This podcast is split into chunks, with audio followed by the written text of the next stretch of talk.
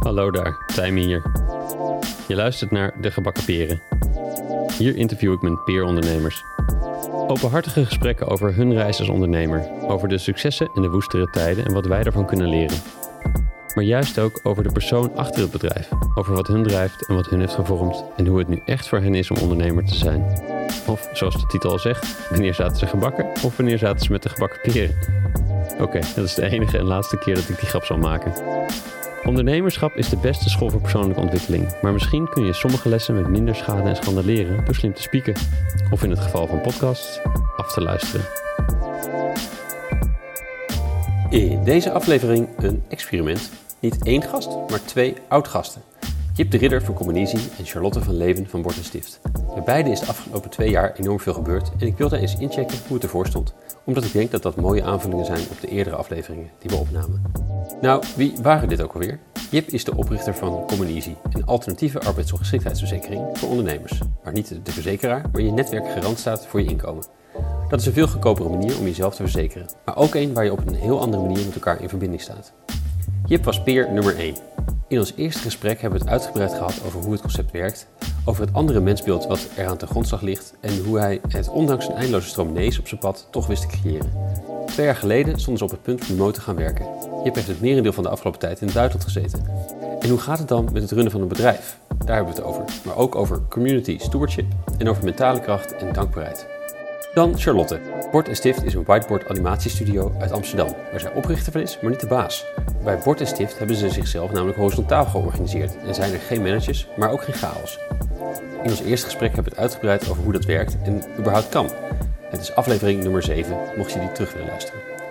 Sinds 1 januari 2021 is zij zelfs medewerker van het bedrijf. Ze heeft ervoor gekozen om naast het runnen van het bedrijf met elkaar te delen, ook de aandelen over te dragen.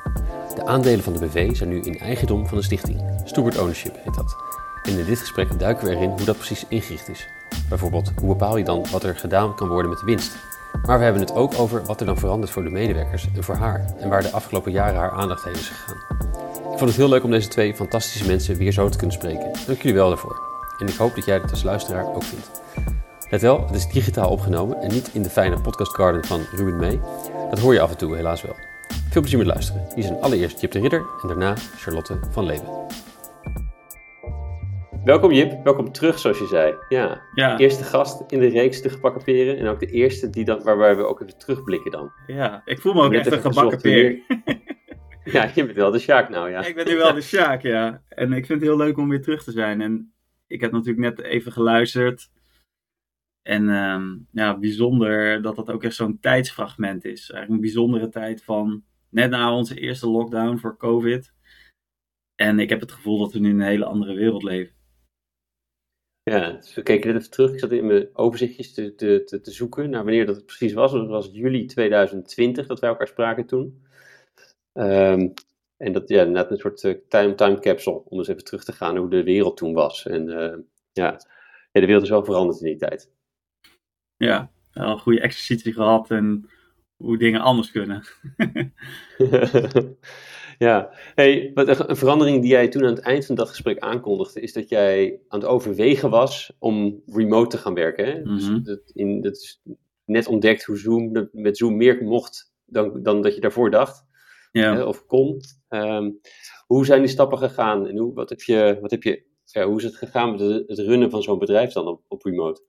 Ja, het is echt heel bijzonder. Ehm, ik hecht natuurlijk altijd heel veel waarde aan de stadstuin en aan die community. Eh, dat kantoor, we hielden daar events. En ik heb jou daar leren kennen en heel veel andere vrienden, ondernemers. Ja, dat was gewoon echt een warm nest, een soort van broedplaats. En er gebeurde van alles en je, je kon altijd iemand aan de mouw trekken.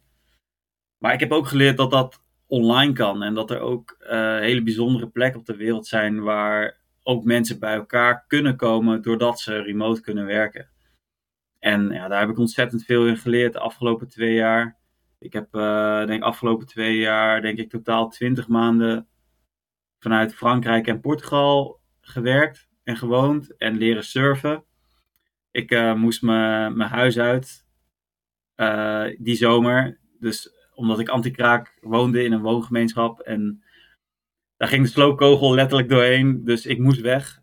En ik heb daar een paar mooie knalfeesten gegeven om het af te sluiten. En uh, ik had ook mijn kantoor opgezegd in de stadstuin, wat ik aan die keuze ging maken inderdaad, uh, toen ik jou sprak in die podcast. En, uh, ja, wat je natuurlijk deelde met alle collega's, hè? Dus waar, waar, waar, iedereen toen vanuit werkte eigenlijk in principe. Ja, het was ook, je kon letterlijk bij ons gewoon altijd naar binnen lopen. En dat vonden we ook altijd heel leuk. En, maar daar zijn we wel mee gestopt. En ja, ik dacht dat ik het er heel moeilijk mee zou hebben, maar ik heb er eigenlijk een, ja, een heel ander leven voor teruggekregen bijna. Um, ja, ja, ja, Dus, je, dus je bent niet alleen dingen gaan missen, je hebt ook andere dingen teruggekregen. Ja, zeker. Ik heb mijn eerste auto gekocht. en ik dacht dan, uh, nou, misschien eh, gaat van de winter, komt die volgende lockdown wel. En nou, ik ga maar eens proberen, ik ga eens gewoon in Portugal kijken. Ik heb geen vriendin, ik heb geen huisdieren, ik heb geen huis, ik heb geen kantoor, ik kan remote werken. Laat ik dat eens gaan proberen. En als uh, shit hits de fan, dan rijd ik gewoon precies dezelfde weg terug. En in plaats van dat ik twee maanden ging, wat mijn initiële plan was, ben ik tien maanden geweest. Omdat uh, ja, de wereld veranderde zo erg. We gingen van lockdown naar lockdown. En ja, in Portugal zat ik gewoon in een vissersdorp en was ik aan het surfen. En ik was wel heel geïsoleerd, maar ik had niet zo heel veel last van die lockdowns uiteindelijk. Ja, ja, ja. ja dus je hebt inderdaad het isolementachtige, dat je weg bent van je omgeving, maar ook je uh, hoe, hoe, hoe run je je bedrijf? En hmm. uh, deels heb je dus dat, in, dat, uh, is dat intern, maar deels is dat ook extern, waarbij je eigenlijk toch wel met namelijk Nederlandse ondernemers in, je net, in het netwerk hebt. Omdat het toch niet, ja, je, hebt, je moet in dat netwerk zitten om, om ook dekking te kunnen garanderen voor jezelf. Ja, en we, hoe is dat en we hebben natuurlijk ook de intentie dat, dat we elkaar eigenlijk altijd kennen of ja, jouw vrienden kennen. Dus dat die connectie eigenlijk altijd dichtbij is. En daardoor kunnen we elkaar ook vertrouwen en op een warme manier elkaar helpen. Eigenlijk als vrienden elkaar zouden helpen. Dat, dat is het idee. En dus community is essentieel daaraan. En ja, dat kan dus ook online. En um, ik heb zelf een enorme les gehad in um, verbinding. Ik vond dat zelf altijd een heel moeilijk begrip. Maar wat is dat nou eigenlijk? En ik vond het altijd een beetje lastig als andere ondernemers uh, daar hele verhalen over hadden. Dan ik haakte dan altijd een beetje af. Maar ik denk dat door COVID hebben we daar eigenlijk allemaal een hele mooie les in gehad. Van ja, als het in één keer niet meer kan, je mag je praktisch juist niet meer uit en je moet het allemaal een beetje alleen doen. Ja, dan wordt het gewoon heel lastig. En wat wij als community gingen doen, dus uh, elke week deden community calls op Zoom. Dus we brachten onze community online bij elkaar. En we deden workshops en uh, dat was allemaal co-creatie. Dus dat was echt community, ja, communitywerk. En we deden dat voor elkaar. En ja, dat vond ik heel bijzonder om te merken van oh, hoe belangrijk verbinding dan is. Dat je elkaar kan zien, voelen. Dat je kan voelen dat je mm. er voor elkaar bent, dat je naar elkaar luistert. En um, ja, dat, dat is eigenlijk in, uh, in de versnelling gegaan, zou ik bijna zeggen. Ja, dat is grappig. Dus dat is tegen intuïtief. Terwijl je denkt, je bent meer op afstand, dat je juist meer, ja. dat je toch die verbinding kan versnellen. Ja, dat heeft ook met de context van de corona misschien te maken, maar Zeker. Uh, dat het contrast groot is tussen de verbinding met, met, met, met, je, met je netwerk versus wat er, wat er dan opeens normaal is of wat er kan. Hey, maar hoe, hoe, ben je, hoe werkte je samen met, met het team? Hoe, hoe ging dat? Ja, ik denk heel plat gezegd hadden we altijd al gewoon vaste meetings in, in, in de week. Dus we hadden gewoon een, een ritme.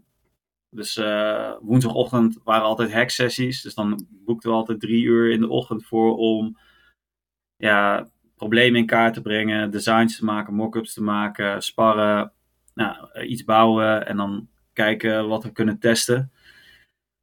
Um, en dat, dat gingen we gewoon online doen. En uh, bijvoorbeeld gebruikte Miro, dat is een, um, ja, dat kennen de meeste mensen nu wel, denk ik. Dat is een, een digitaal uh, whiteboard. Vroeger hadden we een whiteboard in ons kantoor van vier vierkante meter. Nou, dat werd altijd een uh, teringzooi. en online kan je dat veel netter doen, maar ook, ook heel gefocust. En ik was er echt van overtuigd voor eigenlijk die hele remote boom. Ja, dit, dit moet je offline doen. Dit moet je met elkaar doen. Of het zat eigenlijk niet eens in mijn hoofd van. Dit kan je mhm. productief online doen, maar dat kan dus wel. En ja, we hebben met heel veel dingen geëxperimenteerd. Maar ik merk gewoon als je. Als je in een call zit met iemand, dan ben je ook gewoon heel gefocust Je gaat niet even koffie zetten of uh, plantenwater geven. Of, uh, nee, ik kijk in mijn webcam en jij kijkt in je webcam. Dus je hebt eigenlijk oogcontact. En ook als je in een groep zit, iedereen kijkt je eigenlijk recht aan. Dat is iets wat aan een tafel eigenlijk niet kan. Een ronde tafel misschien, maar eigenlijk kan het niet. En, um, maar het gevaar is natuurlijk altijd dat er een energielek in zit. Dus dat, dat mensen toch wel afgeleid zijn en dat je ze eigenlijk niet echt helemaal erbij kan halen. Maar ik denk omdat wij met Communitie zo'n grote purpose hebben, dat we eigenlijk van nature er altijd wel bij betrokken blijven. En um, ook met behulp van een coach waar we mee samenwerken, die uh, deden we altijd een check-in voor onze calls. Dus even mediteren, maar twee minuutjes even inchecken bij jezelf. En dat inbrengen in een meeting. Dus dat je ook echt bewust bent van: oké, zo zit ik erbij, zo zitten de anderen bij. We weten dat van elkaar. En dat we dan ook echt engaged zijn. Dus dat we echt even tijd maken om te connecten met elkaar. Ja, ja echt even bruggen. Dat het, uh, want het is, zeker op Zoom is het, heb je dat normaal niet. Uh, hoe zeg je dat? Het is niet, vroeger liep je van de ene ruimte naar de andere voordat je meeting begon of zo. Dan had je een soort van, oké, waarom zitten we hier ook weer? Ik ga zitten en dat is een soort, dat is bijna een check-in. Ja. Ook dan was het nuttig om dat even bewust te doen. Mm. Maar als je dat op Zoom doet, je gaat van je ene document gewoon naar de browser waar je, waar je contact hebt, dan heb je dat, heb je dat bijna niet. En dan is het gewoon doorgaan. En je kan ook net zo makkelijk weer terug naar je WhatsApp-appje. Uh, ja, precies. Uh, en ik denk in het ja, algemeen, dat is ja. het is mooi dat je dat zegt van, hey, dat, dat, dat deden wij tijdens meetings ook. Of als je offline. Uh, maar dat dat mooi is van wat van digitale technieken eigenlijk en apps. Als we het over dating apps hebben of over samenwerken of over. Het is eigenlijk gewoon een één grote uitvergroting van een vergrootglas van hoe we, hoe we met elkaar omgaan en hoe we dingen doen. Dus als je eigenlijk niet verbonden bent in een offline meeting, ja, vergeet het dan maar dat het gaat lukken in een online meeting. En ik heb daar wel mooie anekdotes over van mensen die uit ons netwerk dan bijvoorbeeld voor grote corporates werkten of voor gemeentes. Dat ze bijvoorbeeld trainingen deden om aan 40 ambtenaren uit te leggen hoe een Zoom-meeting werkt. Met 40 man in één Zoom-meeting. Nou, ik kan me voorstellen dat je eind van de dag heel moe bent. ja, ja, ja, precies. precies. Ja. Hey, je, je schetste net ook dat jij onderdeel werd van, van een andere community. Mm um, en daar, dat je daar ook steward werd. Heb je, heb je iets, kun je iets vertellen over wat jij daar leerde over community nou ja, managen vind ik eigenlijk niet, niet het goede woord voor. Maar ja, steward vind ik een heel mooi woord, inderdaad. Dat, of, ja, de community manager je eigenlijk. Wat, wat je, nee, ja, precies. Dus wat heb, wat heb je daar geleerd over wat een, wat, hoe je Common Easy een sterkere community kan maken? Ja, dat is een goed, goede vraag. Nou, voor mij was het wel heel bijzonder dat ik. Kijk, Common Easy is een soort uh, virtuele, niet-virtuele community. Uh, maar als het in één keer super fysiek is. Dus uh, ons doel van die community waar ik bij betrokken ben, die heet de Traditional Dream Factory. En het, het idee is om een regeneratieve playground te creëren. Dus een, een boerderij die een stuk grond gaat herstellen, zodat de natuurwaarde herstelt. Dus dat we bijvoorbeeld CO2 weer in de bodem kunnen krijgen en kunnen bijdragen aan uh, het klimaatprobleem. En dat je dus een community bouwt van mensen die daar kunnen bestaan, kunnen leven, een goede tijd hebben met elkaar. Maar doordat ze daar zijn, ook kunnen zorgen voor dat stuk grond, voor de natuur. En eigenlijk de aanname van, ja, we zijn eigenlijk de connectie met uh, de natuur met onze leefomgeving kwijtgeraakt. We zorgen er eigenlijk niet meer voor. We nemen er geen verantwoordelijkheid meer voor. En daardoor hebben we eigenlijk het klimaatprobleem ook. Nou, je kan ik natuurlijk eindeloos over vertellen. Maar wat, wat, ik, hier, wat ik hier zie is dat, dat je in één keer mensen bij elkaar brengt. Uit alle hoeken van de wereld. Brazilië, Portugal, Noorwegen, Denemarken, Nederland, Frankrijk, Guatemala, uh, noem het maar op. En dat je ze eigenlijk zo mooi kan samenbrengen als je een, een purpose hebt, een plan hebt. En dat je daarop kan verbinden. En dan zit je bij wijze van spreken in de middle of nowhere. Wij hadden niet eens een geasfalteerde weg naar onze community. En internet was vaak ook echt druk. Uh, maar we hadden echt de tijd van ons leven. En ik, ja, we zaten in een lockdown, maar ik merkte daar persoonlijk eigenlijk niks van. Want ik voelde me echt super verbonden en ja, we hadden een missie, we konden onze schouders eronder steken. Dus ja, het was voor mij echt een toptijd eigenlijk. En, is dat iets ook, die missie, is dat ook iets wat je, wat je in het uitleggen van wat communicatie voor leden kan betekenen, ook, ook groter bent gaan maken? Want je, je, je ervaarde het al intern met jullie team, dat jullie daarvoor gingen, dat je, dat je werkte met purpose. Maar is dat ook iets wat je, wat je denkt dat de mensen die lid zijn van Common uh, nu ook meer ervaren? Of dat je dat proactiever naar buiten brengt? Ja, dat wil ik wel gaan doen. Ik moet zeggen dat ik daar nog best wel, dat ik het eigenlijk nog allemaal aan het processen ben wat ik heb, wat ik heb geleerd. Dus ik heb afgelopen zomer ben ik um, drie maanden steward geweest.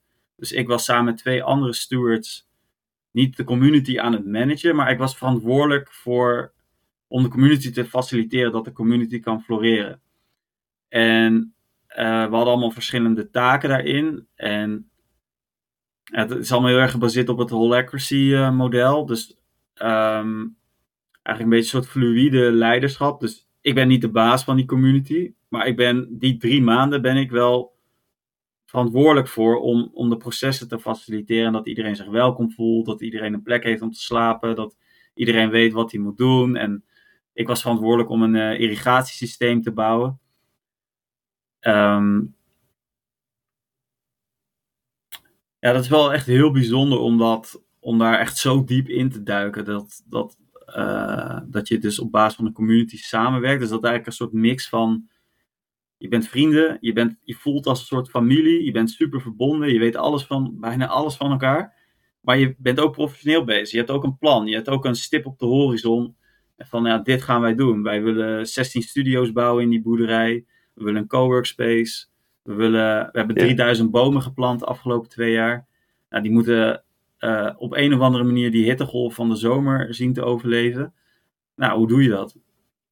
Ja, ja, ja. Um, dus het heeft mij heel dus erg gevoeld als persoon, denk ik. En ook gewoon ingezien van ja, dat verbinding super belangrijk is. Dat je gewoon moet snappen wat, hoe andere mensen erin zitten. Um, maar ik heb ook als je bijvoorbeeld een voorbeeld neemt van uh, leden van Communies die bijvoorbeeld uh, corporate, grote corporates gingen coachen, bijvoorbeeld jonge trainees gingen coachen op dat ze gewoon productief bleven, dat ze aan het werk bleven. En dan zag je gewoon eigenlijk dat de, op het moment dat de sociale context van een kantoor wegvalt, dat eigenlijk een heel groot deel van de motivatie van mensen wegvalt. Omdat mensen niet voor het bedrijf werken, maar ze werken voor hun collega's. Maar als hun collega's niet hmm. direct zien in de kantine of op kantoor of koffie drinken, als dat allemaal wegvalt, dan wordt het eigenlijk zo uh, oppervlakkig van, ja, wat, wat is dat bedrijf eigenlijk waar ik voor werk? Het bedrijf geeft eigenlijk niet zo heel veel om mij. Ik geef eigenlijk ook helemaal niet zoveel om die bedrijfsdoelen, kwartaalwinsten, ja, wat, wat leeft voor mij niet. En dus ik zag dat dus die, die, dat lid van mij uh, was een coach, die werd dus ingehuurd om eigenlijk die trainees gewoon in het gereel te houden. En gewoon zo van, hé, hey, blijf functioneren. Maar hoe doe je dat in een, um, met Zoom calls? En dus daarmee zie denk ik dat purpose, waar mensen mee kunnen verbinden, gewoon essentieel is in een tijd dat, ja, die we nu hebben. Ja, ja, ja precies. Hey, aan het eind van het gesprek vorige keer zei je ook dat hè, wat, wat er te, te, doen stond voor jullie was uh, het netwerk uitbreiden. Mm je hebt gewoon veel meer resiliency als die, als die getallen groter werden. Ja. Um, en daarvoor wilde je, uh, dus je zei toen, minder zelf doen. Uh, dat zowel mm Jip het niet meer doet, maar ook dat Common Easy niet alles zelf hoeft te bouwen, dat je ging partneren. Ja. Hoe is die weggegaan en wat, wat staat er nu eigenlijk op het programma voor je? Ja, grote vraag. Uh, daar kan ik veel over vertellen. Maar om het beknopt te houden, ik denk. Ja, wij zijn een hele mooie samenwerking aangegaan met Community, met een Q. En zij hebben, zij, dat is een community eh, die met een abonnement werkt voor 60 euro per maand, geloof ik. En dan krijg je allemaal trainingen en bijeenkomsten. En je kan uh, co-worken bij verschillende locaties. En zij hadden een abonnementsmodel voor een community. Dus zij, mensen betalen om lid te zijn van een community en getraind te worden en gebruik te maken van de ervaringen van anderen. En daar zijn we samenwerking mee aangegaan. En dat, dat was super tof. En dat je in één keer ziet van oké, wij kunnen jullie community tot een vangnet ombouwen. En dan zie je echt dat er een win-win ontstaat. Ja. En dat ging ook allemaal remote. En dat vond ik eigenlijk super bijzonder. Ehm, en zij, deden ook, zij begonnen met uh, bedrijfsuitjes, elk kwartaal een bedrijfsuitje, omdat je als freelancer of als zelfstandige heb je geen collega's. Dus hoe doe je dat dan? Uh, als je dan eigenlijk dat, die saamhorigheid van collega's mist. Maar zij hebben dat helemaal uitgevonden ook met uh, bedrijfsuitjes op anderhalve meter afstand en zo. En hadden ze grote zalen gehuurd. Dat, dat je uh, ja, in, een, uh, in een, hoe noem je dat? Ja, allemaal op een rijtje zitten zo. Super stijf eigenlijk, maar toch heel blij dat je mensen kan zien. Ja, ja, ja. Uh, dus ja, dat, dat, is zeker, dat is zeker wel gelukt eigenlijk. Dat we meer zijn samenwerken met onze partners. En onze partners ook meer naar voren dragen van... Hey, er zijn al communities. En ook uh, mijn team uitgebreid. Omdat ik bijvoorbeeld mijn kantoor opzegde... kon ik dat geld gebruiken om iemand in te huren. En um, ja, super fijne samenwerking ook gehad. En ook allemaal remote. Dat ik uh, bij wijze van spreken half op het strand stond. En tegelijkertijd ook nog met de laptop een soort van call aan het doen was en aan het zoeken was waar de internetverbinding was. ja, eigenlijk te veel om op te noemen in zo'n korte tijd. Maar um, en als ik kijk waar ik nu sta, van we zijn heel fijn aan het samenwerken en ook in verschillende groepen en verschillende opdrachten geklaard. Maar ik merk ook wel dat ik echt ook zelf echt in mijn leiderschap moet gaan staan. Hmm. En dat ik ook de voorwaarden moet creëren voor een team dat, dat, dat goed kan functioneren en goed kan samenwerken. En ik heb zelf de neiging om alles decentraal te doen en uh, mezelf eigenlijk op faciliterend op te willen stellen. Maar we hebben ook een aantal moeilijke keuzes moeten maken. En ik merkte gewoon dat we dat op, met die houding eigenlijk ook niet uitkwamen. Dus dat ik eigenlijk gechallenged werd van, ja, je bent ook een leider die gewoon keuzes moet maken. En ook ik weet niet alles, helaas. Maar dat dat wel betekent dat je alsnog gewoon een keuze moet maken. En uh, dat, dat is wel een soort mm, spanningsveld dat, dat, dat het eigenlijk nieuw voor me is. En uh, dat ik eigenlijk merk als ik daar gewoon voor ga staan, dat me dat ook heel veel energie oplevert. Maar dat is eigenlijk wat ik de jaren daarvoor eigenlijk stelde ik me altijd als een soort co-creator op en een facilitator. Maar ik merk ook dat ik ook die andere kant mag doen. Ook als leider mag opstellen. En dat dat ook gewoon uh, successen oplevert. Ja, het klinkt alsof je een soort. Uh, het pad wat je had volgens mij, was dat je, dat je begon bij. Ik draag alles, ik ga het doen. Mm -hmm. Naar, oké, okay, ik kan het samen doen. Alleen als je te veel daarin met, met de pendule meeswingt, dan is er geen leiderschap meer. Dan is het heel erg egalitair. Dan is er geen. En het kan wel horizontaal zijn, maar het blijft nodig dat er iets van hiërarchie is in, in, in beslisbomen, hoe dat gaat. Uh, ja, klinkt, klinkt alsof je dat uh, nu weer aan het oppakken bent, dat aan het leren bent. En dan doe jij het werk niet. En je beslist niet alles voor iedereen, maar je, je zorgt wel voor een gezonde conditie. Ja, precies. En ook um, dat ik stiekem misschien eigenlijk ook wel geloofde dat uh, leiderschap en, en ego, uh, dat soort zaken, dat, daar hebben we het vorige podcast ook uitgebreid over gehad. Ja, daar, daar zit een beetje een soort vies smaakje aan, weet je. Van, uh, in de vorige podcast zeg je, als kinderen voetballen, dan zeggen hey, je bent een ego. En, um, maar eigenlijk die nuance echt goed snappen, dat wanneer leiderschap gewoon gewenst is en dat je daar ook echt voor gaat staan, ja, dat is gewoon super functioneel en dat is gewoon heel hard nodig. En dat betekent niet per se dat je beter bent dan anderen, maar ik merk toch dat dat in mijn overtuigingen die ergens heel diep zitten, dat dat er ergens wel in zit. En ja, ja, um, eigenlijk wat en ik dat heel... extreem mag niemand de bal schieten. Dus als je zegt het voetbal, dan uh, niemand mag ego zijn, dan mag niemand uiteindelijk schieten op het doel. Wat, wat, wat ook een beetje het, het, het doel voorbij schiet, letterlijk. Ja, figuurlijk. precies.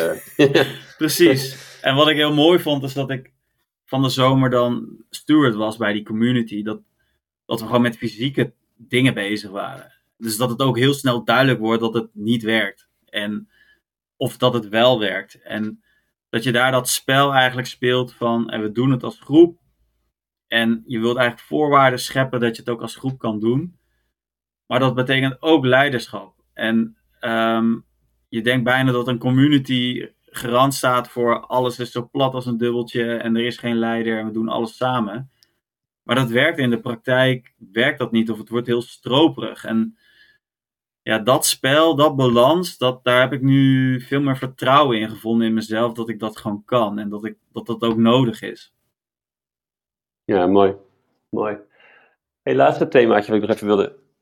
Um, ja, het is bijna, ik ben nu, dus er zit dus een nieuwe leervraag bij. En ik ben eigenlijk nu benieuwd over 2,5 jaar hoe dat dan, uh, hoe dat, hoe dat mm. dan weer gaat, zeg maar. Ja, wat ook. dan de volgende swing van de pendule is.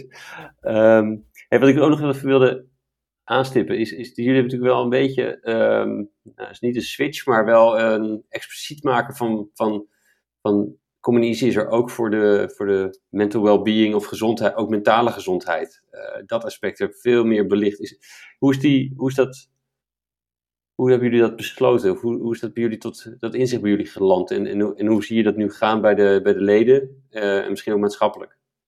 Ja, goede vraag weer. En ook super belangrijk. Um, kijk, we, we hebben natuurlijk allemaal te maken met mental health of mentale kracht, als je het wat positief formuleert. Iedereen, maar we doen het allemaal vanuit first person natuurlijk. En we hebben daardoor ook gauw het idee dat het iets is wat je zelf moet oplossen. En er zit ook natuurlijk een enorm taboe op. Uh, ik hoor ook van freelancers zeggen van, ja, ik ga niet even op LinkedIn zeggen dat ik in een burn-out zit. Want ja, daar zitten mijn klanten, mijn opdrachtgevers zitten daar ook. En ik wil natuurlijk stabiel overkomen en uh, betrouwbaar.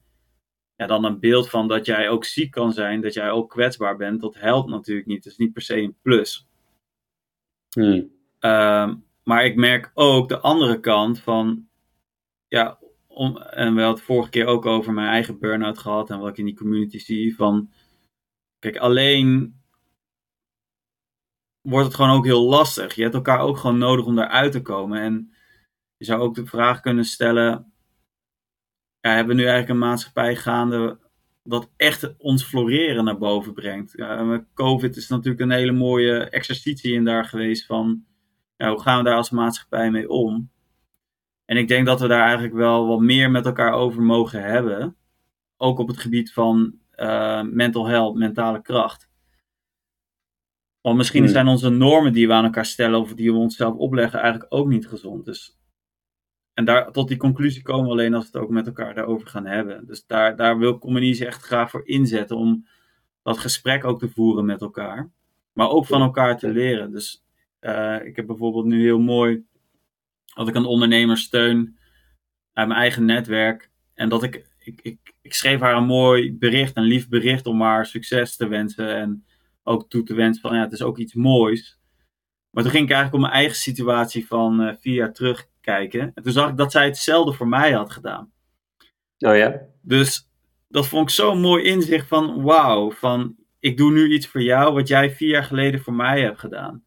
En dat we op die basis nu met elkaar uh, verbinden, dat voelt voor mij zo rijk. En ook, ik voel mezelf ook zo krachtig en waardevol dat ik nu in een positie ben dat ik een ander kan helpen en iets terug kan geven ja, dat is een kwaliteit. Dat, ja, dat, dat zie je natuurlijk niet terug in verzekeren. Maar ik, ik, zou, ik kan er bijna niet uitleggen hoe waardevol dat voor mij is. En hoe, daar missen we gewoon nog een soort van uh, woorden voor. En daar ben ik nog heel erg op zoek naar van hoe kan ik dat verhaal beter gaan vertellen. Ja, ja. ja dat is mooi. Ja, ik, het is grappig. Ja, dus ook zonder de woorden heb ik wel het idee dat het toch duidelijk is of zo. Hè? Soms hoef je, heb je die woorden niet eens nodig, maar het is, het is als je dingen op een website wil kunnen uitleggen, dan is het toch weer, toch weer praktisch of zo, ja. Ja, het zegt een vak. ja, ja, ja. Goh. Um, en hoe, hoe gaat dat concreet bij jullie? Dus hoe, um, hoe, het is, uh, ik, uh, ik, ik ben sportinstructeur en ik breek mijn benen, is heel duidelijk. Maar ja, iedereen weet, zes weken later ben je beter en dan loop je weer. Ja, uh, ja, ook dat inderdaad. Ook de duur is. Is en met mentale klachten, dat was ook mijn eigen ervaring. En wat ik ook veel hoor, is van. Joh, ik reken heel erg op mijn mind. Ik identificeer me daar ook mee. Ik vind het ook fijn, ik vind het ook leuk.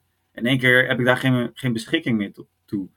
Nou, dat is mm. natuurlijk een enorme knal voor je zelfvertrouwen. Van, het kan gewoon in één keer weg zijn. En hoe werkt dat dan? Het is zo ongrijpbaar. Je zit er, eigenlijk, je zit er ook per definitie te dicht op. Je kan, je kan, je kan eigenlijk bijna niet uitzoomen, want jij, jij bent dat. We identificeren mm-hmm. ons natuurlijk ook met onze gedachten. En, en daarom is het denk ik ook zo belangrijk om dat niet, juist niet alleen te doen, maar dat je daardoor laat coachen. En ehm, bijvoorbeeld heel concreet, wat we zijn gaan doen de afgelopen twee jaar, is dat we mensen die uitvallen met Zoom ook bij elkaar brengen. Een meditatie, korte meditatiesessie doen en dan gewoon delen van waar we staan. En het hele mooie daarvan is dat mensen, zeker ondernemers, die veroordelen zichzelf dat ze hulp nodig hebben en dat ze niet meer kunnen.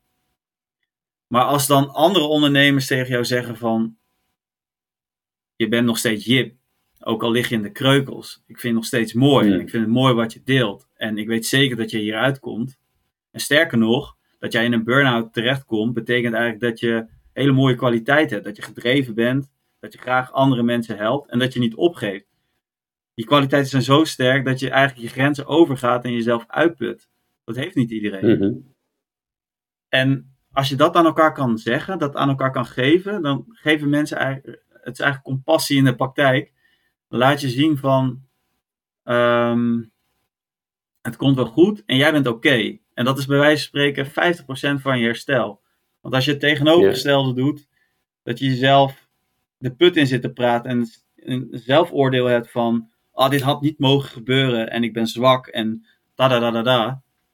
Uh, dat, dat kunnen anderen heel mooi weg voor je nemen. En dan gaat je herstel veel sneller.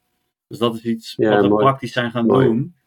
Maar dat willen we nu eigenlijk ook preventief in gaan zetten. Dus we hebben twee weken geleden ons eerste mentale kracht evenement gedaan. En hadden we een hersenscan, een mindset coach en een, ehm een slaapexpert.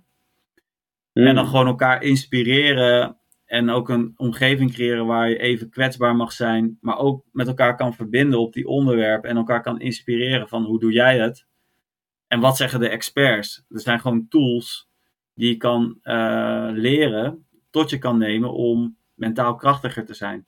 Dus je hebt bijvoorbeeld, ja, dankbaarheid is een, een hele krachtige. Dat zou ik iedereen als tip eh, mogen geven als je dat nog niet tot je hebt genomen. Ehm, En dat, bedoel- hoe zou je dat tot je nemen? Even, eh, heb je concreet handvat wat mensen kunnen aan, eh, aanpakken? Ja, wat ik sinds mijn eigen burn-out ben gaan doen en wat ik eigenlijk ook met mijn community, met mijn leden heb ontwikkeld, is eh, mijn ABCD. En dat heb ik een beetje afgekeken van de motivatieleer en dankbaarheid. Dus A staat voor autonomie, B voor betrokkenheid, C voor competenties, D voor dankbaarheid. A, autonomie. Je moet iets voor jezelf doen, je eigen positie verbeteren, voor jezelf zorgen. B, betrokkenheid. Heb je iets voor anderen gedaan? C, competenties. Heb je iets nieuws geleerd? D, dankbaarheid. Ben je dankbaar voor iets? Als je dat als checklist, checklist gebruikt aan het eind van je dag. En je denkt dat je een Hmm. kutdag hebt omdat je niks voor elkaar hebt gekregen. Dus als je naar de resultaten kijkt. Maar als je naar de input kijkt. Of wat je daadwerkelijk hebt gedaan. Dan heb je altijd een topdag. Dan heb je bij wijze van heel spreken nice. je moeder even gebeld. Betrokkenheid. Je hebt je was opgevouwen. Autonomie. Ik zorg goed voor mezelf. Ik heb geleerd hoe ik met timen eh, River, hoe heet het programma? Riverside FM kan gebruiken. ik heb iets nieuws geleerd. Dankbaarheid. Nou, ik ben blij dat ik eh, de trui van mijn opa draag. En hij is nog steeds goed. Dat vind ik gewoon top. Dat is mijn ABCD. Als ik zo elke dag afsluit, heb ik altijd een topdag. En dan kan ik niet wachten dat ik morgenochtend opsta van... Yo, ik ga weer aan mijn ABC knallen. En dat maakt me helemaal niet uit of het Common Easy eh 20.000 leden heeft. Eh, ik doe mijn input, daar heb ik controle over. En daar kan ik voldoening uithalen. En dat werkt voor Mm, mij als een trein. En daar inspireer ik nu ook mijn community mee. En dit heb ik ook met mijn community zo dat, tot dat inzicht gekomen. En nog één tip, Ja? zodat ik op dreef kom. Maar dankbaarheid, ehm, dat is echt tip nummer één. Omdat als je kijkt naar meditatie, daar hebben we het ook vorige podcast over gehad. Of yoga, of diëten, of sporten. Het zijn allemaal dingen, dat is een gewoonte. Moet je opbouwen en de, de vruchten kan je pas later plukken Hm. peren. Maar dankbaarheid is iets dat kunnen wij nu direct doen. Dus als ik nu zeg, oh, ik ben dankbaar dat ik, dat ik, dat ik een leuk gesprek heb met Tijmen en dat mensen naar mijn verhaal mogen luisteren en dat ik, dat ik een terugblik krijg eh naar twee jaar terug, doordat ik ook een mooi verhaal had opgenomen met Tijmen en dat jij mij dit platform biedt. Dan voel ik me nu al, oh wauw, dat is echt super mooi. Dat, dat heeft direct effect. En dat is zo krachtig, omdat je daarmee eigenlijk een positief spiraal in gang kan zetten. En dankbaarheid is gewoon, het werkt direct. En het kost niks. nee, dat gaat zo. Ja. Een hele instant, instant button. Zo. Ja. Gratis om te klikken ook. Ja, mooi. Mooi. Ik mag jou bedanken, Jip. Ja, tuurlijk. Dankjewel. Ik, het, het, ik vond het ook mooi om dit, om dit even deze terugblik en ook het verschil in, in hoe je erover praat. Eigenlijk het contrast is heel leuk en ik zie daar je, je groei ook. Ja. Dus ik zie ook dat je weer echt een slag verder bent. Ja. Ja. Thanks. Wat niet gek is, het is ook uh, dik twee jaar. Ja. Dus uh, je zei al, ik doe dit tien jaar, maar dit is, dit, dit, is gewoon een kwart van dat ondernemersbestaan zit er, zit er, is er overheen. Maar ik zie ook echt dat het een uh, dikke kwart beter is. Ja, ik moet zeggen dat ik ook over dat samen doen, ik heb me afgelopen um, twee jaar ook heel goed laten coachen. En um, ook heel veel sessies op Zoom gedaan. Wat eigenlijk ook heel bijzonder is. Um, dat je dat dus ook via Zoom kan doen. Ja. En dat heeft me zoveel opgeleverd. Uh, ondanks dat ik al zoveel grappen en detours heb gehad. Um, ja, ik zou het echt iedereen aanraden ook van, ja, laat, laat, creëer de condities voor jezelf dat mensen met je mee kunnen kijken.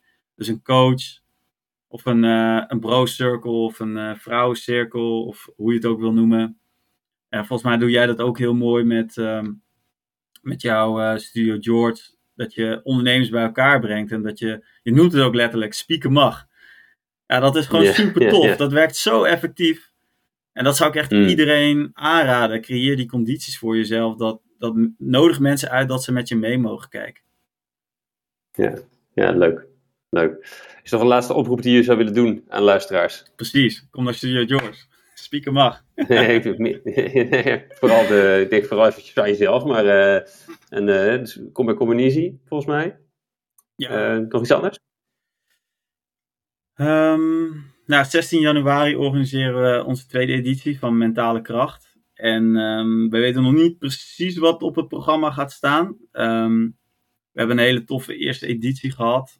En waar ik ook weer echt de kracht van de community heb mogen ervaren. En ja, ik wil graag mensen uitnodigen om ja, mentale kracht, eh, dat dat net zoiets als sport is. Weet je, over sport raken we niet uitgepraat. En iedereen vindt het leuk en iedereen snapt van, ja, als je touwtjes springt, krijg je een betere conditie. Maar blijkbaar op mental health of mentale kracht, uh, dat hebben we nog niet zo helder met elkaar. En ja, ik wil graag mensen uitnodigen van, ja, laten we dat gewoon fixen met z'n allen. Dat kan gewoon, dat weet ik zeker. Nice. 16 januari. Die, gaat, eh, die komt in de notes. Dat is goed. Dat is Thanks. Goed. Cool. Dankjewel, Jip. Jij bedankt, uh. Hey, welkom terug, Charlotte. Ja, was, uh, thanks. Gebakken peer nummer 7. Nu ben je de, een van de twee eerste die ik eens een keertje terugvraag. Superleuk. Ik ben heel erg benieuwd hoe de... Want we spraken twee jaar geleden. Uh, en ik ben benieuwd hoe het, hoe het met je gaat. Wat is er gebeurd? Het is leuk dat je er weer bent. Um, hey, waar, waar ik dacht te beginnen, um, is dat uh, twee jaar geleden was er iets aanstaande wat er ging gebeuren in het bedrijf Bord Stift met jou. Je had, je had al heel veel, hè, jullie, zijn, waren, jullie zijn horizontaal georganiseerd uh, in, dus in wie wat doet. Hè? Dat, dat, jij was niet meer de despoot aan de top die, uh, die iedereen instrueerde wat er moest gebeuren. Maar ook juridisch hebben jullie dat omgezet. Kun je, kun je daar iets over vertellen? Wat er, wat er, nou, wat, wat, wat daar anders aan is dan alleen het organiseren en ook uh, wat, wat dan de constructie werkt. Ja, zeker. Um, nee, het klopt dat we inderdaad al voor een paar jaar horizontaal georganiseerd waren. Dus dat is een uh, ja, specifieke vorm van organiseren waarbij je niet meer een centrale manager of een centrale baas hebt, maar wel heel veel structuren uh, die je dienen. waarmee dus iedereen eigenlijk een soort ondernemerschap krijgt, zelf dingen kan aanpassen in het bedrijf, zelf dingen kan doen. Uh, en van daaruit voelde het ook steeds onlogischer dat ik nog steeds de enige eigenaar was van het bedrijf. Dus dat voelde vanuit die kant van horizontaal organiseren onlogisch. Um, maar ik ben ook over het algemeen heel veel bezig met hoe zit onze economie in elkaar en waar is dat niet helemaal goed gegaan in de afgelopen 20, 30 jaar. Um, en vanuit dat idee, uh, dat daar misschien ook wat dingen anders kunnen, um, ja, kan je ook betwijfelen of bedrijven die in bezit zijn van één iemand of enkele mensen en uh, ja, kapitaalmacht die zich zo concentreert, of dat een goed idee is, of dat er ook andere vormen mogelijk zijn. Nou, die twee ingangen eigenlijk, het horizontaal organiseren en hmm, zouden we toch niet de economie ook iets anders kunnen vormgeven? En wat betekent dat dan voor Bord en Stift? Kwamen op het idee van steward ownership, wat ook een hoop andere bedrijven al hebben gedaan. Nou, niet een hoop, maar een aantal andere bedrijven al hebben gedaan. Uh, waarbij je dus eigenlijk zegt, het bedrijf is van zichzelf. En het dient zijn purpose. Um, en er is niet meer een eigenaar. Uh, maar de eigenaar is eigenlijk het bedrijf zelf. En dus alles wat je verdient, stop je terug in het bedrijf. Of uh, echt de winst die je maakt, besteed je aan projecten waarvan je denkt dat die de wereld beter maken. Ja, dus even de, de, en de nitty-gritty is dan dat jullie hebben een stichting in het leven geroepen, die, die werd eigenaar van het bedrijf, hè? Klopt. Stichting Bord en Stift is eigenaar, 100% eigenaar van de BV Bord en Stift. Ja. En in de statuten van de stichting staat ook, het bedrijf mag nooit verkocht worden, moet altijd van zichzelf blijven en gerund worden door de mensen die er werken en niet door externe aandeelhouders. Ja, ja, ja, precies. En jullie hebben daar ook iets in opgenomen over waar het dividend wat de stichting dan krijgt aan het eind van het jaar, uh, waar ze dat aan mogen besteden, toch? Hoe, hoe hebben jullie dat geformuleerd? Klopt, dat hebben we vrij breed geformuleerd, omdat als je dat uh, wil aanpassen, zou je de statuten helemaal opnieuw moeten aanpassen en we wilden een bepaalde vrijheid daarin houden. Dus we hebben het volgens mij gedefinieerd als projecten waarvan wij denken dat die een positieve bijdrage uh, leveren aan de wereld.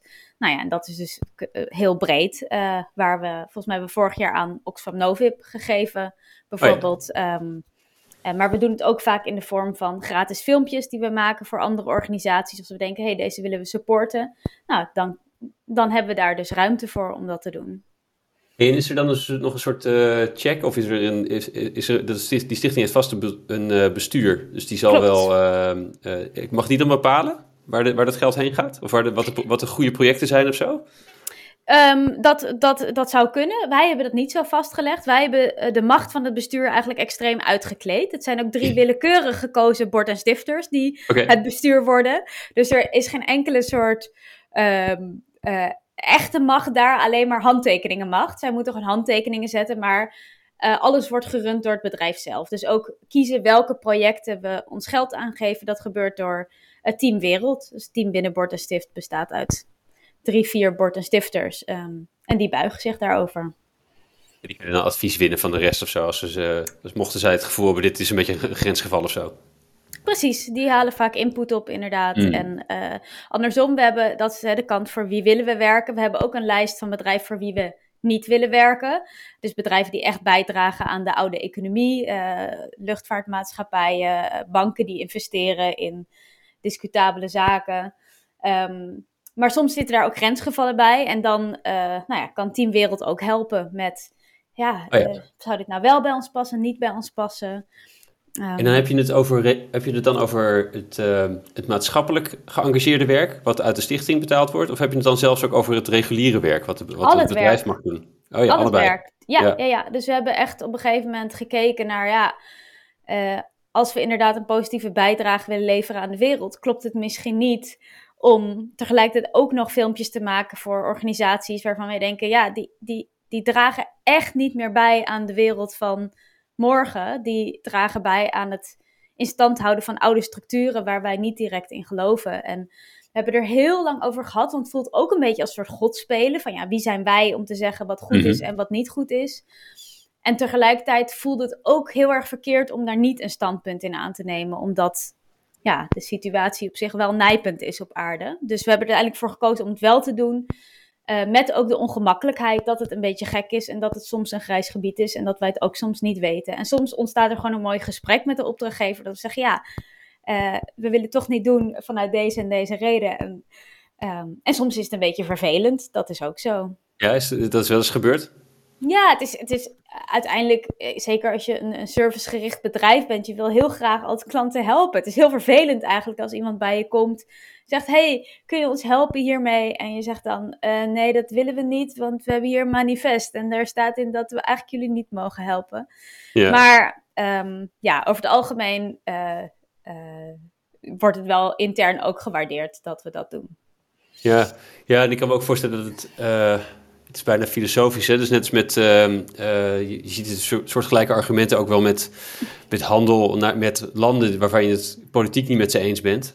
Uh, en, en dan het argument van door daar maar mee in aanraking te zijn, uh, komen ze wel onze kant op, is, is natuurlijk een paar decennia gevoerd. Dat is niet altijd waar. En, en, maar de, is het wel, misschien is het toch, ja, het is een lastige vraag, of het is heel complex, of, of het nuttig is om wel met ze in contact te blijven of niet. Of dat, wat nou als die bedrijven die je eigenlijk niet vertrouwt een poging gaan doen? Of is het dan, moet je ze dan eh, beoordelen of het greenwashing is of is het, is het oprecht? Ja, nou, klopt. En, en daar vinden wij dus ook wel echt een grijs gebied. Soms als een bedrijf oprecht bezig is met zeg maar, een verandering, kunnen we soms wel kiezen tegen dit bedrijf past er niet bij, maar deze verandering uh, willen we supporten. En dan doen we het toch wel. Dus het, het levert inderdaad ook allemaal heel interessante reflecties op. En um, ja, in die zin, ik heb ook niet het gevoel dat we altijd goed doen. Of dat we per se de waarheid hebben, maar um, het voelt in ieder geval goed om een poging te doen tot. Ja, ja, ja. Hey, iets anders over goed voelen of niet. Um, je hebt het bedrijf dus weggegeven. Hè? Dus waarbij dus toch veel van jouw collega's, of onze collega's, ja, ik, ik, ik, ik, ik, ben, ik ben slechts een uh, gewone zelfstandige, dus ik bouw die zich geven mogen met mijn bedrijf op. Maar uh, mensen die een bedrijf of een BV starten, die zijn een eigenaar, die kunnen dat verkopen. Hè? Dus die hebben ook uh, hun pensioenspot daar soms in zitten en dat soort dingen. Um, je beschrijft, het voelde niet meer goed dat ik alleen eigenaar was, maar het helemaal weggeven is misschien wel een ander uiterste nog. Hoe, uh, is, dat, is dat nog een proces geweest of een beslissing geweest voor je? Uh, viel wel mee, maar ik merkte dat ik veel weerstand uit mijn omgeving kreeg. Oh ja? Vooral van uh, collega-ondernemers, waarvan één iemand ook echt zei: ja, maar misschien moet je even hulp zoeken bij een psycholoog. Ik denk dat het niet helemaal goed met je gaat. Dat oh jee. was ook al in de eerste podcast gedeeld. Uh, ja, omdat het echt heel absurd voelt voor mensen om dat te doen. Of in theorie zoveel geld weg te geven. Maar ja, ik heb daar heel uh, uh, weinig twijfels over gehad. Omdat voor mij het idee van een bedrijf verkopen met, met het type mensen dat bij Bordstift werkt die zo committed zijn, voelt echt als aan slavernij linkend ergens bijna. Van oké, okay, ik bepaal wat er met jullie tijd en inzet gaat gebeuren en dat, dat verkoop ik aan iemand anders. soort van, ja, het is grappig, want het is heel normaal in onze wereld. Voor mij voelt dat heel absurd. Dus uh, voor mij voelde deze optie eigenlijk heel normaal. Um, ja, en ik heb altijd pensioen gespaard, zeg maar, uh, vanaf dat ik ging ondernemen. Dus zo, kan je, zo bouwen de meeste mensen pensioen op, door elke maand wat opzij te zetten. Dat kan je ook als ondernemer doen. Ja. Um, en, uh, ja, en, ik, en ik denk ook tegelijkertijd spreek ik van een plek van privilege, zeg maar. Dat ik altijd ook genoeg heb gehad. En daardoor, ik kan me heel goed voorstellen, als je altijd arm bent geweest, dat je dan, ja, ik moet mezelf gewoon uh, secure en ik wil wel heel veel geld verdienen. Uh, ik ben in relatieve rijkdom, ik bedoel, ik heb niet super rijke ouders, maar wel, uh, ja, gewoon altijd, er was altijd genoeg thuis. Ja. Um, ja, ik denk ook dat dat maakt dat ik die uh, keuze heb kunnen maken. Ja, ja, ja. Hey, um, ja, grappig hoe iets, hoe iets dat zo regulier kan zijn, dan toch zo absurd kan voelen. Ja. Um, nou ja, je had ook nog kunnen kiezen om het wel te verkopen, maar aan iemand die uh, het op een soortgelijke manier zou runnen als jij. Dus dat je denkt, uh, die zou ook onderdeel worden van het bedrijf, niet op afstand. Of die zou uh, het bedrijf met, naar een nieuwe fase kunnen brengen die, die, die je hoort dat het bedrijf nodig heeft of zo. Of, of, of het bedrijf wil, die jij ook wil, maar niet zelf wil Klopt, doen dat, of zo. Dat had gekund, maar dat zou weer ook botsen met uh, mijn idee van waar, hoe, hoe zouden we de economie anders moeten inrichten. En daarbij is al het idee dat iemand überhaupt eigenaar is van een bedrijf. Dat klopt al niet voor mij. Dus Ja. wel stewards, dus mensen die heel betrokken zijn. En uh, dan kan je nog steeds daar resources uit krijgen, maar die, die, die extreme concentratie van eigendom, daar, ik denk echt dat dat niet een goed, goed, goed idee was. Dat we ja, dat de economie in die richting is gegroeid. Ja, dus ja, ja, vanuit die filosofie zou ik dat ook echt niet willen doen. Hoe lief of hoe goed die persoon ook zou zijn, zou ik zeggen, nou, kom als steward bij Bord en Stift, maar ja, niet als eigenaar. Ja, ja precies, precies. Ja, mooi. Het, het klinkt ook alsof je dat, dat idee daarvoor ook al uh, nou ja, zo goed als helemaal geïnternaliseerd had of zo. Dus dan is de laatste stap ook niet zoveel meer. Dan is het meer, oh ja, het wordt misschien echt nu of zo. Uh, dat misschien Ja, een stemmetje in je hoofd even opkomt van wacht eens even, doe ik dit nou echt? Klopt, Eh, nee, zo, zo, zo heeft het heel erg voor mij gevoeld als soort van heel logisch en uh, dus helemaal niet uh, zwaar of ingewikkeld. Of het is ook niet een emotioneel proces geweest. Het was gewoon fijn dat dit nu eindelijk klopt met hoe ik denk dat het zou moeten en hoe het ook kloppend voelt. Ja, ja, ja exact. exact. Um, nou, je hebt volgers gekregen in september. Dat was een vrij groot bedrijf wat een, een soortgelijk voorbeeld nam. Ja. Die, die, Patagonia zei dat ze, dat ze veel geld besteed hadden aan adviseurs. Volgens mij hadden ze gewoon een telefoontje met jou moeten hebben. Maar, of, of, of, zie ik complexe verschillen over het hoofd? Misschien weet je er toch een paar. Je zei al dat je dat niet precies wist hoe ze dat gedaan hadden. Maar uh, uh, ja, was het, was het, is een hele grote stap, uh, zeker in een soort Amerikaanse cultuur. is het misschien nog erger, ja. nog gekker dan wat je, hoe, hier hoe je, hoe je dat deed. Maar ehm, Denk je dat zij echt andere dingen nodig hadden? Of is het, is het simpelweg ook steward ownership wat zij kiezen? Ik, hoe, hoe ik het heb begrepen, is het ook inderdaad een vorm van steward ownership. En dat is ook leuk, want alle mensen stuurden dat natuurlijk ook naar mij toe. Zo van, hé, hey, grappig, die doen het ook. En ik was, ja, ja. Hè, hè, logisch. Dat is ook gewoon wat klopt, zeg maar. Um, maar um, uh, ja, ik denk, ik denk wel Kijk, wij, wij hebben ook uiteindelijk voor de praktische uitwerking, heb je toch ook adviseurs nodig van, ja, hoe, hoe maak je precies die statuten? Nou ja, dat is voor een bedrijf als Patagonia natuurlijk nog wel een stukje ingewikkelder uh, qua grootte. Uh, maar het is, ja, het is ook pionieren en ik bedoel, meerdere ideeën staan, ontstaan vaak op dezelfde plekken. Um, en het is wel leuk, in Nederland heb je bijvoorbeeld We Are Stewards, um, ja. die heel intensief hiermee bezig zijn. En dat is heel fijn, dat er organisaties zijn die die kennis verzamelen, die bij meerdere ondernemers ophalen. Hoe hebben jullie het gedaan? En um, nou ja, dat, dat komt er hopelijk ook meer in andere landen. Ja, ja, ja precies. Dat, staat er hopelijk binnenkort niet meer bij dat ze het hebben uitgevonden of zo. Dat het uh, helemaal nee, de eerste wat die doet of zo, ja. Um, hey, ik, ben benieuwd, ik ben even benieuwd, voordat ik naar jou, jouw kant van het, hoe het voor jou is, ben ik ook benieuwd van, deed die juridische stap echt iets met, um, met de medewerkers en, en het, hoe zij het ervaren? Is dat, is dat nog anders geworden? Weet je, ja. Mm, subtiel. Dus ik denk omdat we al zo, zeg maar, zelfsturend waren, uh, uh, het verschil niet enorm groot is. Want mensen voelden zich al, zeg maar, onderdeel van Bord en Stift. En deels al eigenaar van Bord en Stift. Ik denk wel dat het het heeft bekrachtigd. En ja. voor mijn gevoel zijn mijn collega's net 5% lomper nog naar mij geworden.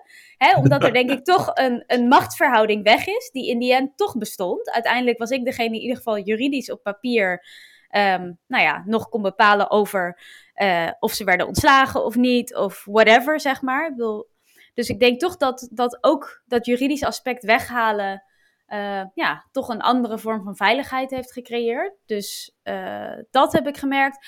En wel nog iets meer ownership. Dat ik heb wel collega's soms dingen al zeggen van, toen we even de, iets, iets moeilijks hadden, um, van, oh ja, maar dat moeten we natuurlijk ook gewoon zelf nu oplossen. Oh ja, dit is waarvoor we staan. Oh ja, ik ga deze stap nemen. Dus dat, ja, echt dat eigenaarschap voelen, dat dat daarmee is bestendigd en bekrachtigd.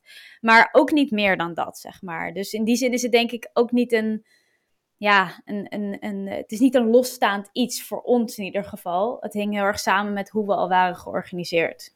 Ja, ja, ja precies. Ik herinner me wel dat je, nog wel, dat je wel beschreef dat je dat, uh, nou, twee jaar geleden, hoe je het toen beschreef, dat je toch wel af en toe ook wel wat, het vraagt wel wat bewustzijn, omdat je toch een andere rol hebt, ook al wil je die op papier niet meer hebben. En in, de, in is het de afspraak ook dat je die niet meer hebt. Um, ja. Maar dat het toch onder, of, uh, onbewust toch wel vaak makkelijk weer terugkomt zo. Hè? Eh, Charlotte, de baas, de baas Charlotte vragen in plaats van ja. gewoon collega Charlotte vragen. Ja, uh, zeker. Zeker. Ja. En ik denk inderdaad door deze stap te doen, je nog een keer benadrukt van uh, ja, die andere verhoudingen, zeg maar. En tegelijkertijd blijf ik ook altijd de oprichter. Dat, dat gaat ook niet, niet weg, zeg maar. Nee. Um, maar ik heb dat ook niet als, uh, als storend ervaren. Nee, ja, mooi. mooi. Hey, en wat veranderde, het, uh, wat veranderde het voor jou? Dus jij, uh, misschien, dat, misschien was het hele feestje wel voor jou dan, eigenlijk. Ja, nou, ik was, er, ik was er zeker heel blij mee. En het grappige is dat een deel van uh, mijn collega's, sommige mensen hebben nooit ergens anders gewerkt. Die zijn direct uit. Dus, dus voor hen is het ook helemaal niet bijzonder, zeg maar. Van, ja, natuurlijk uh, gaat dat zo, want dat gaat ja. bij ons zo. Terwijl voor mij was het wel ja, ook een soort uh, protestactie bijna ergens tegen nou ja, het neoliberale kapitalistische systeem, zoals dat nu ja. gecreëerd. Ehm, maar ik denk dat net als voor mijn collega's, in die zin die uh, transitie subtiel was ook voor mij. Dus het, het was oprecht ook al niet zo dat het hele bedrijf aan mij hing. En dat er heel veel. Ja, ik was al lang niet meer de speel in het web. spin in het web. Speel in het web? Ja, een, speel in het uh, systeem of zo, denk ik. Ik was al lang niet meer de speel in het systeem of de spin in het web. Um, maar het heeft wel voor nog een soort mate van vrijheid gezorgd. En ik hoef niet meer handtekeningen te zetten. Ik zit niet in oh, dat bestuur. Um, dus nou, dat, dat heeft ook weer toch uh, 2,5% extra tijd gecreëerd om uh, andere dingen in te doen. Ja, dat is wel fijn. Dat is wel fijn. of had je gehoopt dat je toch uh, die random generator van wie er in het bestuur mag zitten naar jezelf had toe weten te hellen? toch nog. Uh, nee, ik ben eigenlijk heel blij. We hebben ook, dat is ook leuk. We hebben dus ook een commissie waarde. En dat is de, bij ons de uh, commissie die gaat over of mensen worden ontslagen of dat de samenwerking wordt beëindigd. Ja. Die, die, dat is de enige gekozen commissie. Voor de rest kies je zelf in welke teams je werkt en zo. Uh, ik ben ook nog nooit voor die commissie gekozen. Vind ik ook altijd wel leuk. En dat kiezen gebeurt ook random? Of is, is, nee, Dat, dat is dus echt stemmen, zeg maar. Maar oh, ik, word dus, ik word dus nooit ook in die commissie gestemd, zeg maar. Oh, wow. Dus dat, uh, ja. haal ik, haal ik een vreemd soort trots uit en een, een vreemd soort mini-ego-krenking. Ja, ja, ja. ja, mooi. hey, je zei dat er ook voor jou niet heel veel veranderde, omdat het meer gewoon op papier is. Maar is er niet dan misschien onderhuids toch wel iets dat je je vrijer bent gaan toch iets van vrijheid hebt gekregen? Of dat je aandacht toch naar andere dingen gaat? Zie je knikken. Ehm, ja, nee, zeker. Want uh, uh, het is natuurlijk oprecht meer vrijheid, zeg maar. Normaal zit je als ondernemer best wel vast aan je bedrijf. En als je dus ook weg wil, dan is het zo van... Ja, dan moet je het ook verkopen. Zeg maar, dat is ook de, en, en dat is nu niet zo. Um, en de, de grap is ook dat ik ook wegga bij Bord en Stift. Um, uh, daar heb ik alleen niet een heel rationeel verhaal over. Want dat was vooral een gevoel op een gegeven moment van, oh, misschien is het ook wel tijd. En het is ook niet, niet meer dan dat of niet ingewikkelder.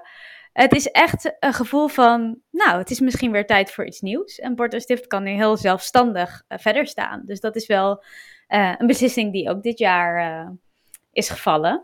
Ja, en dat, en dat valt met het, het ingaan van je verlof. Klopt, klopt. Ja, het was een beetje getriggerd door mijn zwangerschap. En dat ik inderdaad uh, een paar maanden sowieso eruit zou gaan. En dat bracht me ineens op de gedachte van ja, maar misschien is het nu ook wel de tijd om te gaan. En um, ja, het, het, was heel grappig ook om de reactie van mijn collega's te krijgen. Natuurlijk me ook heel erg gaan missen. En, en ook echt wel gewoon echt verdrietig waren van oh, we raken Charlotte kwijt. Maar dat iedereen ook zoiets had van ja, maar het kan eigenlijk ook wel prima, ja. ja weer een ego-dingetje. Ja, precies. dat je dit beoogde is, is, allemaal leuk en aardig, zeg maar, dat je het zo wilde inrichten. Maar dat ze het ook vinden, dat is wel, uh, wel een andere kwestie. ja, ja, ja, ja. Nee, dat, uh, dat is echt zo. Wauw. Ja. Ja. Ik, want je... Ehm, je had het natuurlijk al zo geregeld dat jij niet meer alleen maar de essentiële dagen, dingen hoeft te doen, maar dat je eigenlijk, eigenlijk kon inrichten hoe jij het wilde, waar, waar, jij heen ging met je tijd. Um, Of net zoals iedereen. Um, en dat gaf waarschijnlijk al een hoop vrijheid om projecten te kunnen oppakken die je wilde. En ook, uh, en ook gelijk een soort van body van een organisatie om daar iets mee te kunnen doen. Dat, wat anders is dan als je het helemaal zelfstandig zou, zou doen. Zeker, zeker. Ik zou ook echt gewoon het samen doen met anderen. En dat is, dat is zoiets krachtigs. En dat is zoveel meer dan je inderdaad in je eentje kan doen. En daar uh, heb ik ook heel erg van uh, genoten. En was heel erg leuk. Dus het is ook op geen enkele manier gemotiveerd uit. Oh, uh, ik kan niet doen wat ik leuk vind of zo. Maar ja, ik denk meer bij mij nog een soort drang van. Het lijkt me ook heel leuk om een keer bij te dragen aan een organisatie die ik niet heb opgericht. Dat heb ik bijvoorbeeld nog nooit gedaan in mijn hele leven. Uh, Dat leek me ook een heel mooie ervaring. En um, dus eigenlijk bijna meer een soort nieuwsgierigheid naar wat er nog meer is dan dat er inderdaad iets niet goed was. Want ik had een enorme luxe positie waarin ik inderdaad en dingen kon doen die ik leuk vind in een structuur die al bestaat. Um, ja, dat is echt, uh, nou ja, echt een cadeautje. Ja, het klinkt, ja, het klinkt alsof je het klinkt ook als wel weer, hoe zeg je dat? Dat je, nee, hoe klinkt het eigenlijk? Het klinkt ergens heel logisch en ook weer alsof je dan misschien toch niet genoeg van die vrijheid zou hebben gehad om het helemaal zelf te kunnen vormgeven. En dat het dan maar losknippen uh, of weggaan de, de, de meeste vrijheid weer geeft of zo, om, om het echt, echt op te zoeken. Maar dan, ja, dat weet ik eigenlijk niet zo goed. Maar, ja, ik weet, ik, ik, heb, ik heb niet, dat zou kunnen, zo van, uh, maar ik heb meer het gevoel van, ja, net als in de natuur zijn op een gegeven moment is het ook tijd voor iets, zeg maar. Op een gegeven moment bloeit iets en dan... Hmm. Uh, dus ik heb meer een soort heel natuurlijk gevoel van... Het is tijd en niet er had iets anders gemoeten of oh, dit had nog gefixt moeten worden. Maar um, ja, ik ben ook oprecht benieuwd hoe het, hoe het is als ik een keer werk in een organisatie die niet van mij is. Maar oprecht ben ik heel nieuwsgierig naar die ervaring. En dat ja, dat, dat is wel echt niet, niet, niet te creëren binnen Bordstift. Want dat is altijd de organisatie die ik heb opgericht. Ja, ja, precies. Um, ja. Weet je, nog, weet je nog het moment dat je het besefte? Of dat je. of wat, wat, wat, wat maakte dat je, dat je het gevoel krijgt dat het tijd is? Een beetje gekoppeld, die twee. Goeie vraag. Um, ik kan me echt niet meer het precieze moment herinneren. Dus ik denk dat het een beetje zo'n gevoel was wat zo langzaam is gaan opkruipen. En wat nog een zetje kreeg doordat ik ineens besefte van... hé, hey, ik, ik, ga een paar maanden sowieso weg van bord en stift. Ja. Um, nee, dus er was niet, niet één, één specifiek moment. En dat is... Uh, ja, ik, ik heb ook wel door de jaren heen geleerd om om ook maar gewoon dat soort gevoelens soms te vertrouwen als iets opkomt. En ik heb, ja. ja, ik kan er nu dus wat uitlegjes bij geven. En tegelijkertijd is het puur een soort gevoel van, volgens mij is het tijd voor je leven om in die richting te gaan. Ik heb dat ook wel eens met cursussen volgen. Dan voel ik gewoon, ik moet nu dit type cursus volgen. Dat is gewoon heel duidelijk. Nou, en dan achteraf denk ik, oh ja, dat, is, ja dat, dat heeft me dan hier en hier gebracht. Um, en zo voelde, voelde dit ook. Ja, ik, ik vind het wel mooi. Het is, heel, het, is, het, is, het is en heel intuïtief, maar ook, ook in de grotere dingen erop vertrouwen. Zoals uh, het overdragen van het bedrijf, maar ook, het, uh, uh, ook zulke keuzes om, om weg te gaan. Ja. En het is misschien een kleinere keuze, want als je niet, je zou altijd weer terug kunnen. Tenminste, als ze ja. je aannemen. Dan... Precies. ja, nee, maar dat, dat voel ik ook. Van stel dat ik over een jaar denk, nou, het was echt het domste dat ik ooit heb gedaan. Weggaan. En soms denk ik wel dat dat echt is, want het is echt een soort het is gewoon zo fijn om bij Bord te werken. Het is zo'n menselijke, prettige omgeving om in te zijn. Um, dus dat denk ik wel eens. Maar dan denk ik, nou ja, dan is dat ook goed om daar achter te komen en dat te ervaren. Dus in die zin, uh, ik heb niet het gevoel dat ik ook zeker weet dat dit een goede beslissing is. Maar dat weet je nooit. Je weet ook niet of blijven. Dus op een gegeven moment voelt het ook gewoon, nou, dan ga ik gewoon iets ja. doen. En dan weer kijken wat er, wat er gebeurt. Maar ik, ik hoop, stel dat ik inderdaad denk, ik wil weer terug, dan hoop ik dat ik uh, terug mag van mijn collega's. Ja. Maar ja, dat, uh, dat, dat gaan we beleven. Misschien. Het is wel grappig wat je zegt ook, dat het, dat het blijven uh, ook een beslissing is. Hè? Want zo zie je het meestal niet. Tenminste, heel vaak is het een keuze maken voor iets, is, is niet... Dat, dat is wat, wat je aan het overwegen bent. Het andere, niet hetgeen wat je het eigenlijk tot die tijd allemaal aan het voortzetten bent. Dat is ook gewoon een keuze. Ja, precies. Terwijl dat, dat zijn echt heel keuzes. Net als meedoen, denk ik uh, ja, in systemen die misschien niet helemaal gezond of goed zijn. Ja, dat, je kan doen alsof dat geen keuze is omdat het normaal is, maar het is ergens wel een keuze om daaraan te conformeren. Ik bedoel, in extreme gevallen heb je natuurlijk in, in oorlogssituaties met regimes die echt niet goed zijn. Van ja, het is ergens, en dat is een keuze die je heel goed kan maken en die ik me kan voorstellen ook zou maken uit angst voor mijn eigen familie beschermen of zo. Maar vind wel het goed om bewust van te zijn dat het een keuze is. En, dat, ja. Um, ja, en ook dat je tijd gelimiteerd is. Dat is ook wel iets wat ik wel heel erg voel. Waardoor ik soms dus ja, een soort motivatie heb om uh, gewoon op gevoel een keuze te maken. Want ik denk, ja, ik kan hier nog heel lang over gaan nadenken. Um, maar je weet ook niet hoe lang je tijd nog is op aarde. Dus nou, laten we maar gewoon iets gaan doen. Ja, ja, ja, precies. Ja, dat klinkt uh, misschien iets wat morbide. Zeker vlak voordat je het verlof gaat. Maar het is natuurlijk echt wel waar, ja. ja je moet Ja. niet uh, te lang blijven hangen. Je doet het alles maar één keer. Ja, zeker. En dat, dat, dat is uh, ja, ergens een beetje morbide. Maar bijvoorbeeld in... Ik, ik mediteer ook veel. En een bekende soort meditatiepractice is ook helemaal visualiseren hoe je lichaam verrot als je doodgaat. Oh ja. zeg maar. En daar echt heel bewust daarin gaan. En uh, ja, dat klinkt heel naar voor veel mensen, maar het is eigenlijk bedoeld als een soort heel, um, ja, uh, practice om juist een soort levendigheid te brengen. Van juist dat besef van die eindigheid uh, kan een soort levendheid brengen. En het grappige is dat ik in het mini met mijn verlof dat ook ervaar. Van ineens is een soort deadline. Ik heb nog nooit een soort deadline gehad dat je zo lang niet gaat werken. Um, het heeft ook weer heel nieuwe energie gegeven aan allemaal dingen die ik het maar liet liggen. En ik dacht, ja, nu ga ik er wel echt een schop tegenaan geven. Dus, dat gebeurt het niet. Ja, ja, ja. ja, dus bezig zijn juist met eindigheid en niet vanuit een soort nare manier of fatalistische manier, maar meer als realistische erkenning. Dat is het leven. We weten niet hoe lang het duurt. We weten zeker dat het op een gegeven moment ophoudt. Um, nou, daar ben ik wel fan van. Ja, maar ik weet dat het een beetje morbide klinkt. Het klinkt zoals de Stoïcijnen ook uh, memento mori hebben. Het, het ja. bij stilstaan of herinneren eraan dat, je, dat het een keer ophoudt. Ja.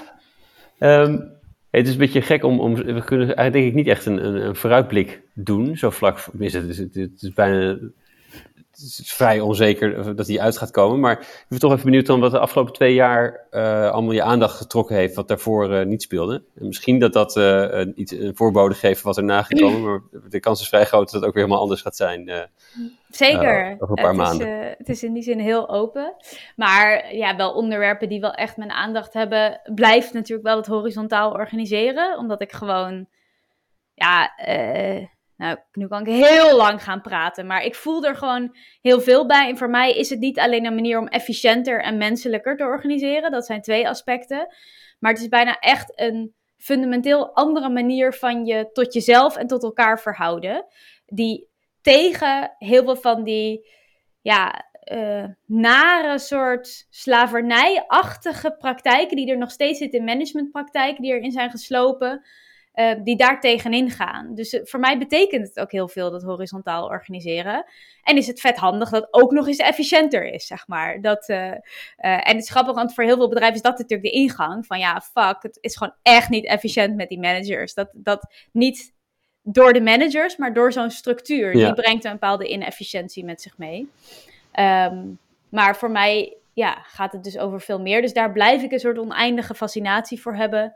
Um, nou, en ook eh, dus concepten als steward ownership, van hoe kunnen we um, ja, echt, echt actief bezig zijn op de plek waar we zelf zijn, om andere structuren te gaan vormgeven. Waarbij wij niet meer de economie dienen, maar de economie ons en niet alleen mensen, maar liefst ook alle levende wezens kan gaan dienen. Dus dat vind ik super interessant altijd om over te lezen, mee bezig te zijn.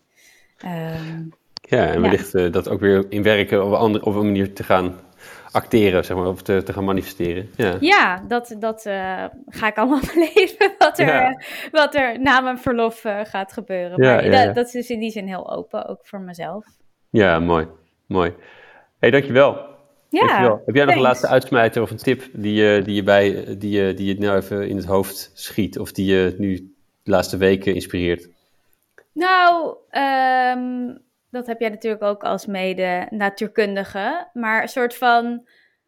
Ik vind altijd de uitnodiging om goed te kijken en dieper te kijken. En ook al te kijken naar wat zijn de tweede en derde rangsorde effecten van wat ik doe. En dus niet voor waar aan te nemen wat gewoon onze standaard structuren zijn. Wat volgens mij nu op heel veel vlakken in de maatschappij gebeurt. Maar die beweging wil ik altijd met liefde bij iedereen aanmoedigen. En ook daarin dus ook je eigen gevoel. Soms, dat je, soms voel je gewoon hier klopt iets niet. En dan zegt iedereen om jij, nee hoor, dit is gewoon uh, hoe de wereld werkt. Ja, infinite growth en bla bla bla bla bla. En dan je gevoel, ja, maar dat klopt iets niet.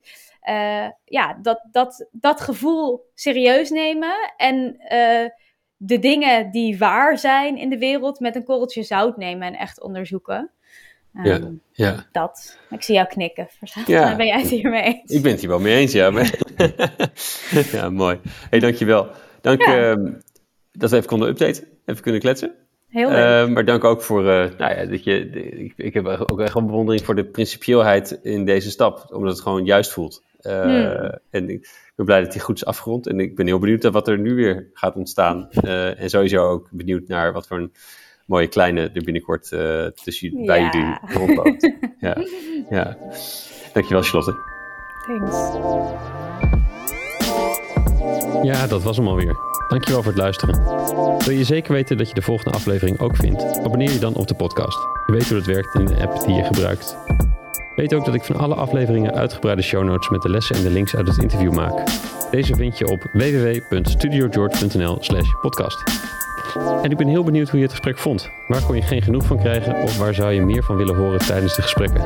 E-mail me op tijmen.studiogeorge.nl als laatste, na elk interview werk ik één inzicht uit in een korte blog. Die stuur ik met liefde naar je inbox, gepaard met wat links die me inspireerden die week. Meld je aan voor dit Espresso Shot strategie op www.studiogeorge.nl slash shots of strategy. Allemaal aan elkaar. Heb een goede dag en tot de volgende.